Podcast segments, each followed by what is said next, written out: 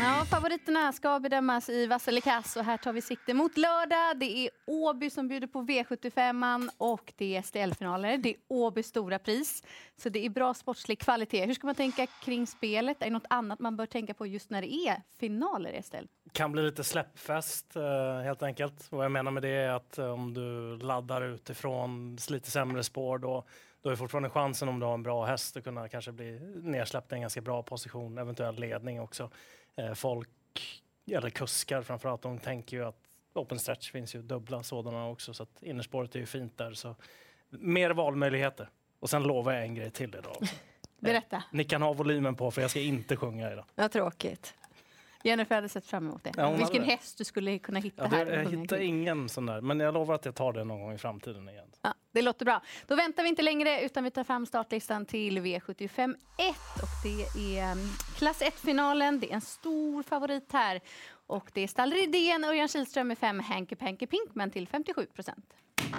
Rött. Eh, det är ju helt fel och helt galet egentligen att trycka rött på honom när huvudet säger att han kanske är 20, 30, 40, 50 meter bättre än de andra. Men det finns en grej i det här loppet som jag verkligen gillar och det är nummer tre Working Class Hero. Det som är att det blir alltså jänkarvagn, barfota bak och Björn Goop och en kanoninsats senast där han plockade ner Ringo Ador på ett oerhört fint sätt. Med skor på. Med skor på. Och jag tyckte faktiskt att det var lite värstingintryck på honom senast. Att han liksom är där nu och börjar liksom klättra eh, successivt uppåt. Så jag vill inte åka på honom och framförallt inte när det blir kombinationen att det är jänkarvagn, barfota bak och Björn. Det har varit liksom antingen eller. All, aldrig har det varit kombinerat ihop när Björn har kört. Så att den åker med definitivt. Nej, jag har respekt för tre working class heroes som eh, man vill till spets med såklart och nio Kingsley Pellini. De är väldigt bra, men jag tror bara att fem Hanky Panky Pinkman är bättre. Vi hade ju intervju med Örjan Kihlström. Det är klart att han garanterar ju inte seger, men han börjar ändå prata om gulddivisionskvaliteter och det ser vi ju när vi ser Hanky Panky Pinkman. Helt rätt inställning. Jag tror segertåget fortsätter. Mm. Eh, för min del blir det också rätt på den stora favoriten som kanske är som du säger, Liam, vinner med 20-30 meter. Men det är spel det handlar om. Och jag tycker om man ser det motståndet han mötte Visby senast, utan att förringa det, så är det verkligen stor skillnad nu från V86-loppet till V75-final. Och så man kanske inte har den där speeden. Ah, jag är löjligt förtjust i tre Walking Class Zero. och även två Frasse till den procenten.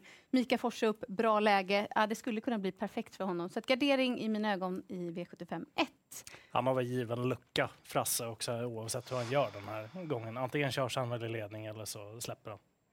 Då tar vi oss an silverdivisionen i V75 2. Det här är lite jämnare och favoriten som vi bedömer just nu är Karat River nummer 8 till 26 procent. Ja, och då är det ju inte att jag bedömer att eh, bästa hästen, utan det kan han vara, men det är läget som gör att jag måste trycka rött. Det finns bättre hästar än han som har fått problem från det där spåret. Eh, Nummer ett, Nattorp Bo, ja, borde kanske ha vunnit senast, men nu blir det tätare starter. Det känns ändå som att det kan bli körning. Många kommer ladda.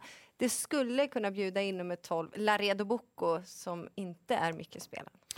Eh, jobbade en hel del med det här loppet. För till en början tänkte jag att det här är väldigt sträckkrävande. Men sen eh, tycker jag inte att det är det. För att det är så att det är fem och sju som är snabbast ut från start. Eventuellt också nummer sex behind bars. Om Comes With Age kommer till ledningen, den går ju väldigt bra bakifrån också. Och skulle Karate River komma fram, liksom, vi pratade om det här släppfest förut. Jag tror att den ryggen är nog ganska tilltalande för Comes With Age i sådana fall, om det blir det scenariot. Sen tycker jag att han kan vinna till den där spelprocenten på andra sätt också. Jag menar, han stod ju typ 70 procent när han mötte såna här hästar som Charlie Brown FF på Halmstad liksom, och alla förväntade sig att han skulle vinna. Nu är han ju underspelad istället gentemot vad han kan. Och de har sagt från stallet också att det här är liksom nästa topp från stallet. Det sa Peter Untersteiner till oss under Elitloppshelgen när han var där. Så jag tror mycket på. Vad sa du? Efter den så Brodde i sådana fall. Nej, men för min del, jag är lite så här valt och kvalet. För att 25 är inte för mycket. Nej. Men eftersom jag liksom säger, ja, jag kan ju trycka både och. Men det blir rätt favorit till den procenten. Men det är ingen spik när han har spår 8. Och sen är det så, jag trodde också stenhårt på honom där på Halmstad och spikade. Men han var inte som bäst. Och så senast så var man var nöjd med aktionen på honom för att man slog på bakskorna. Men egentligen så var han ju inte sydad någon gång i det loppet. Så för mig är han inte riktigt i den prestationen som jag trodde han var inför Halmstad. Så lite frågetecken där. Så rätt favorit, Men gardering och det roliga är stallkamraten Sex behind bar som alltid gör sitt yttersta, levererar varje gång. Sen tål han inte att göra jobbet själv och han måste vinna för att andra liksom, ger han möjligheten till det.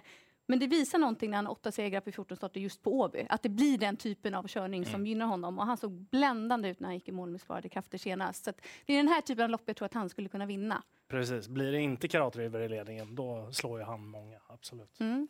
Då tar vi oss an, eh, det är Ragnar Torgrens minne. Fyraåringar som ger upp i V75 3 och en stor favorit har vi i 6 Danger B, Alessandro Corsadoro. Och då börjar jag. Alltså fyraåringslopp med en så stor favorit. Han var riktigt bra när vi fick se honom på Sverigedebuten på Eskilstuna senast. Det var inga lätta förhållanden med banan heller. Jag tror de andra har så stor respekt för Danger B här. Inte möjligt att de vill släppa honom, absolut inte. De kanske inte kan kan släppa. Nej, med Make It Charmer i medloppet. Men alltså, jag tror att han är bäst till slut, så det här blir spiken.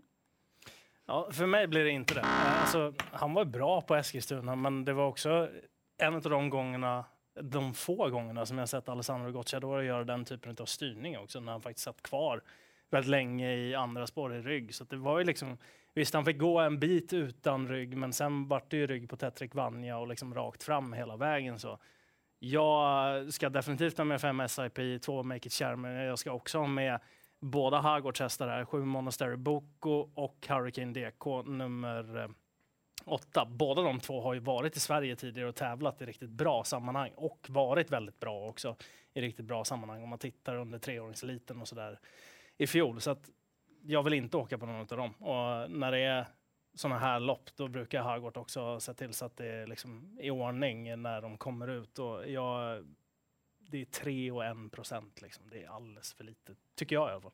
Jennifer, du blir avgörande. Är han vass eller är han kass? Idag är han vass. Jag vet att han är mycket spelad, men jag blev också imponerad senast. Och till exempel Örjan Kihlström, man har hört som kör då nummer 5 SIP, att ja, jag har stor respekt för Danger B. Men det är svårt att köra lopp när till exempel då två Make It Charmer är med. Han kommer rusa på där framme, även om Rickard Skoglund kanske skulle vilja släppa, jag vet inte, men det går nog förmodligen inte. Utan det blir tempo. Och jag vill se värmningen på 5 SIP och höra stallidén efter i sådana fall. För att han har inte övertygat på mig än. Visst, Mika Fors var jättenöjd senast, men han måste höja sig. Men skulle det vara plusrapporter, ja då kanske det blir gardering. Men annars så ser inte jag någon som har kapaciteten som Sex Danger B. Gucciador säger att det är hans bästa fyraåring, en av Europas bästa. Då borde man ju vinna det här. Ja. Upp till bevis blir det i alla fall i V75 3 där om den Jabi är Europas bästa kanske han verkligen infriar förväntningarna. Det återstår att se. Vi får se om vi är överens i den fjärde avdelningen då det är klass 1-final och det är 5 It's Pepper Time som är favorit till 43 procent. Jag hade tryckt eh, grönt om jag visste att han travar från start. Det vet jag inte. När senast så tog han till galopp och dessutom så är jag rädd då eftersom han har galopperat att man inte får någon bra start och då kan det bli för långt fram även om man har kapaciteten som favorit favoriten har. Äh, jag har ju fastnat för nio Always a Pleasure. Han kommer spurta väldigt vast på upploppet eh, om det blir lite tempo på loppet. Och sen så finns det några andra roliga, men de överlåter jag till er.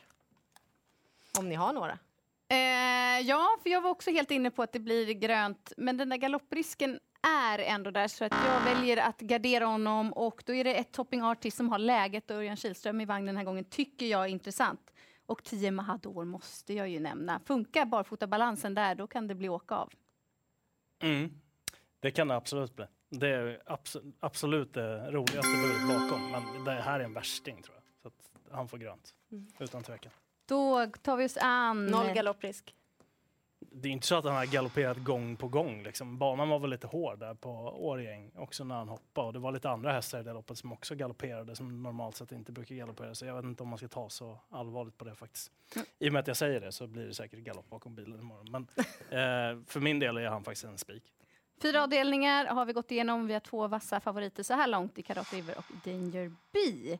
Då tar vi oss an V755. Det är bronsdivisionens final och här är trenden numera ska vi säga på två Global Dash till 31 procent, inte Chestnut, för det är 30 procent. Så är det. Eh, det spelar ingen roll vem av dem som är favorit, de hade fått rött båda två ändå.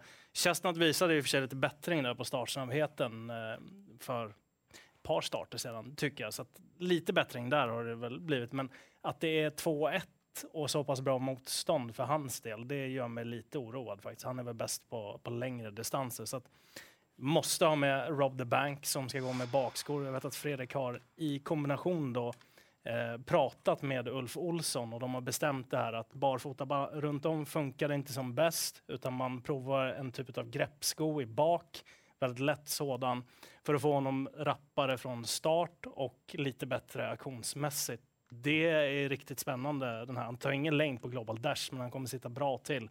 Och så ett Rossi Garline då, hur mycket oflyt kan man ha haft på sistone? Han är helt okej okay ut, ingen blixt, men han är helt okej okay ut. Och tror också att han sitter bra till. Eh, spännande till låg spelprocent. Ja, sitter Rossi Garland bra till då skulle det kunna bli roligt. För jag håller med, han står väl på tur för seger. Men jag tycker det är helt rätt att nummer två Global Dash är favorit. Han har startsamheten, han har hårdheten också. Sen får vi se hur loppet blir kört, om Chestnut parkerar utvändigt och låser eller om man masserar honom. Men jag blev imponerad när han vann bakifrån senast mot bra hästar, nummer två Global Dash. Mm, till den här procenten så måste jag också trycka grönt på Global Dash som är den troliga ledaren och till den här procenten kanske till och med tänkbar att gå rakt ut på. Top 7-tankar om ni får lyfta någon rolig där bakom?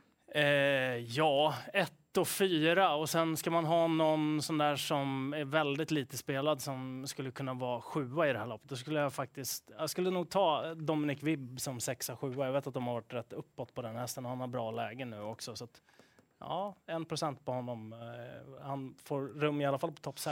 Det tar vi med oss och så tar vi fram startlistan till V75 6. Vi har 15 ston i en spårtrappa bakom bilen. Det tycker jag är roligt. Tre Destiny FE är favorit till 55 procent.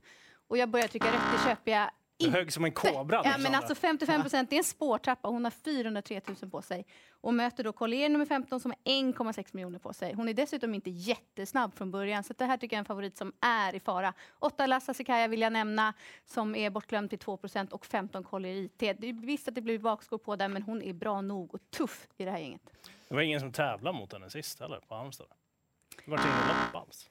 Destiny F alltså. Ja, nej, den ja. gången, ja. Nej, det blir ju rött såklart. Jag tycker den är en häftig travare. Men hon var inte helt perfekt i uppträdande i travet där, Destin F. Så nej, jag tycker ju Sju Celias, eh, stallkamraten, är min första häst i alla fall. Och sen spelar jag väl inte utan nummer 10, Ultraviolet. Eh, ska bli ändå kul att se henne när hon får slå i underläge och de andra gör jobbet. Mm. Eh, tänker väl att eh, jag ska ha med nummer 12, Olga Utka här också. Det är kanske inte något roligt att ha 12 i en full spårtrappa sådär, men alltså hon gick ju fenomenalt. Barfota, jänkarvagn, det var ju näst senaste starten. Sen var hon favorit igen sist och så bedöms hon på den insatsen senast när hon gick med skor och vanlig vagn. Hon hade Väldigt tagit det lugnt inför också. Ja, och det är väl naturligtvis det här man har siktat emot. Mm. Så då åker ju eh, utrustningsförändringarna på igen. Kan jag nämna flera stycken här som är helt borttappade. Nia Heidi har ju gått jättebra jänkarvagn på nu. 10 eh, Ultraviolet, extremt lite spelad gentemot vad den kan också. Och eh, 13 Isabella Cash imponerade på Hagmyren. Så det är väldigt spelvänligt och trevligt lopp. Det är vi överens om, om att också och att det är fel favorit. Då går vi till avslutningen. Det är Åby Stora Pris, gulddivisionen, 3140 meter och en och en halv miljon till vinnaren. Är det nio Hades Vandell, tror ni? Han var ju heroisk senast. Han är väldigt bra och härdad i det här. Men jag är rädd att han kan hamna på vingel igen. Jag är fastnat för 10 Kentucky River. Han gjorde det jättebra i Harper Hanovers. Visst, han är yngst i fältet, men han kanske är hungrigast också. Han är van att möta Francesco Zet exempelvis. Så att, nej, jag tror han kommer gå ruggigt bra. Och sen fyra Power är jag spänd på också. Han är klart på gång. Jag kan trycka grönt, för det tycker jag är rätt favorit till den här presenten Och på nio. rygg på nummer två, Ljus Intel. Ah, han borde komma bra igenom. Jag tycker verkligen att han har visat mest. Så tänkbar och gå på fullt ut. Eh, rött, ingen spik för mig. Jag tycker att 10 Kentucky River har imponerat. Där har liksom förberedelserna gått så himla bra nu också med det här lugna loppet på Axevalla. Så kommer ut här och kommer vara toppad till den här starten. 11 Jero Boko måste väl nämnas också. Jag misstänker att det blir lite ändring där på, på skor och, och vagn till imorgon då för när du anmäler från utlandet så blir det automatiskt skor och vanlig vagn eh, direkt då så att säga. Så, eh, han var ju grym verkligen, i det, både i Finland men också senast eh, på Hugo Åbergs dagen där i Hugo Åbergs Memorial. Han har övertygat stort och har inga problem med distans. Han vann ju Wintertrot där på Bergsåker också. Verkligen. Vi eh, var inte överens fullständigt med någon spik, men vi fick tre vassa favoriter. Karat River, Danger Bee och Global Dash. Vi kommer njuta av fin sport på Åbytravet och vi säger lycka till på V75.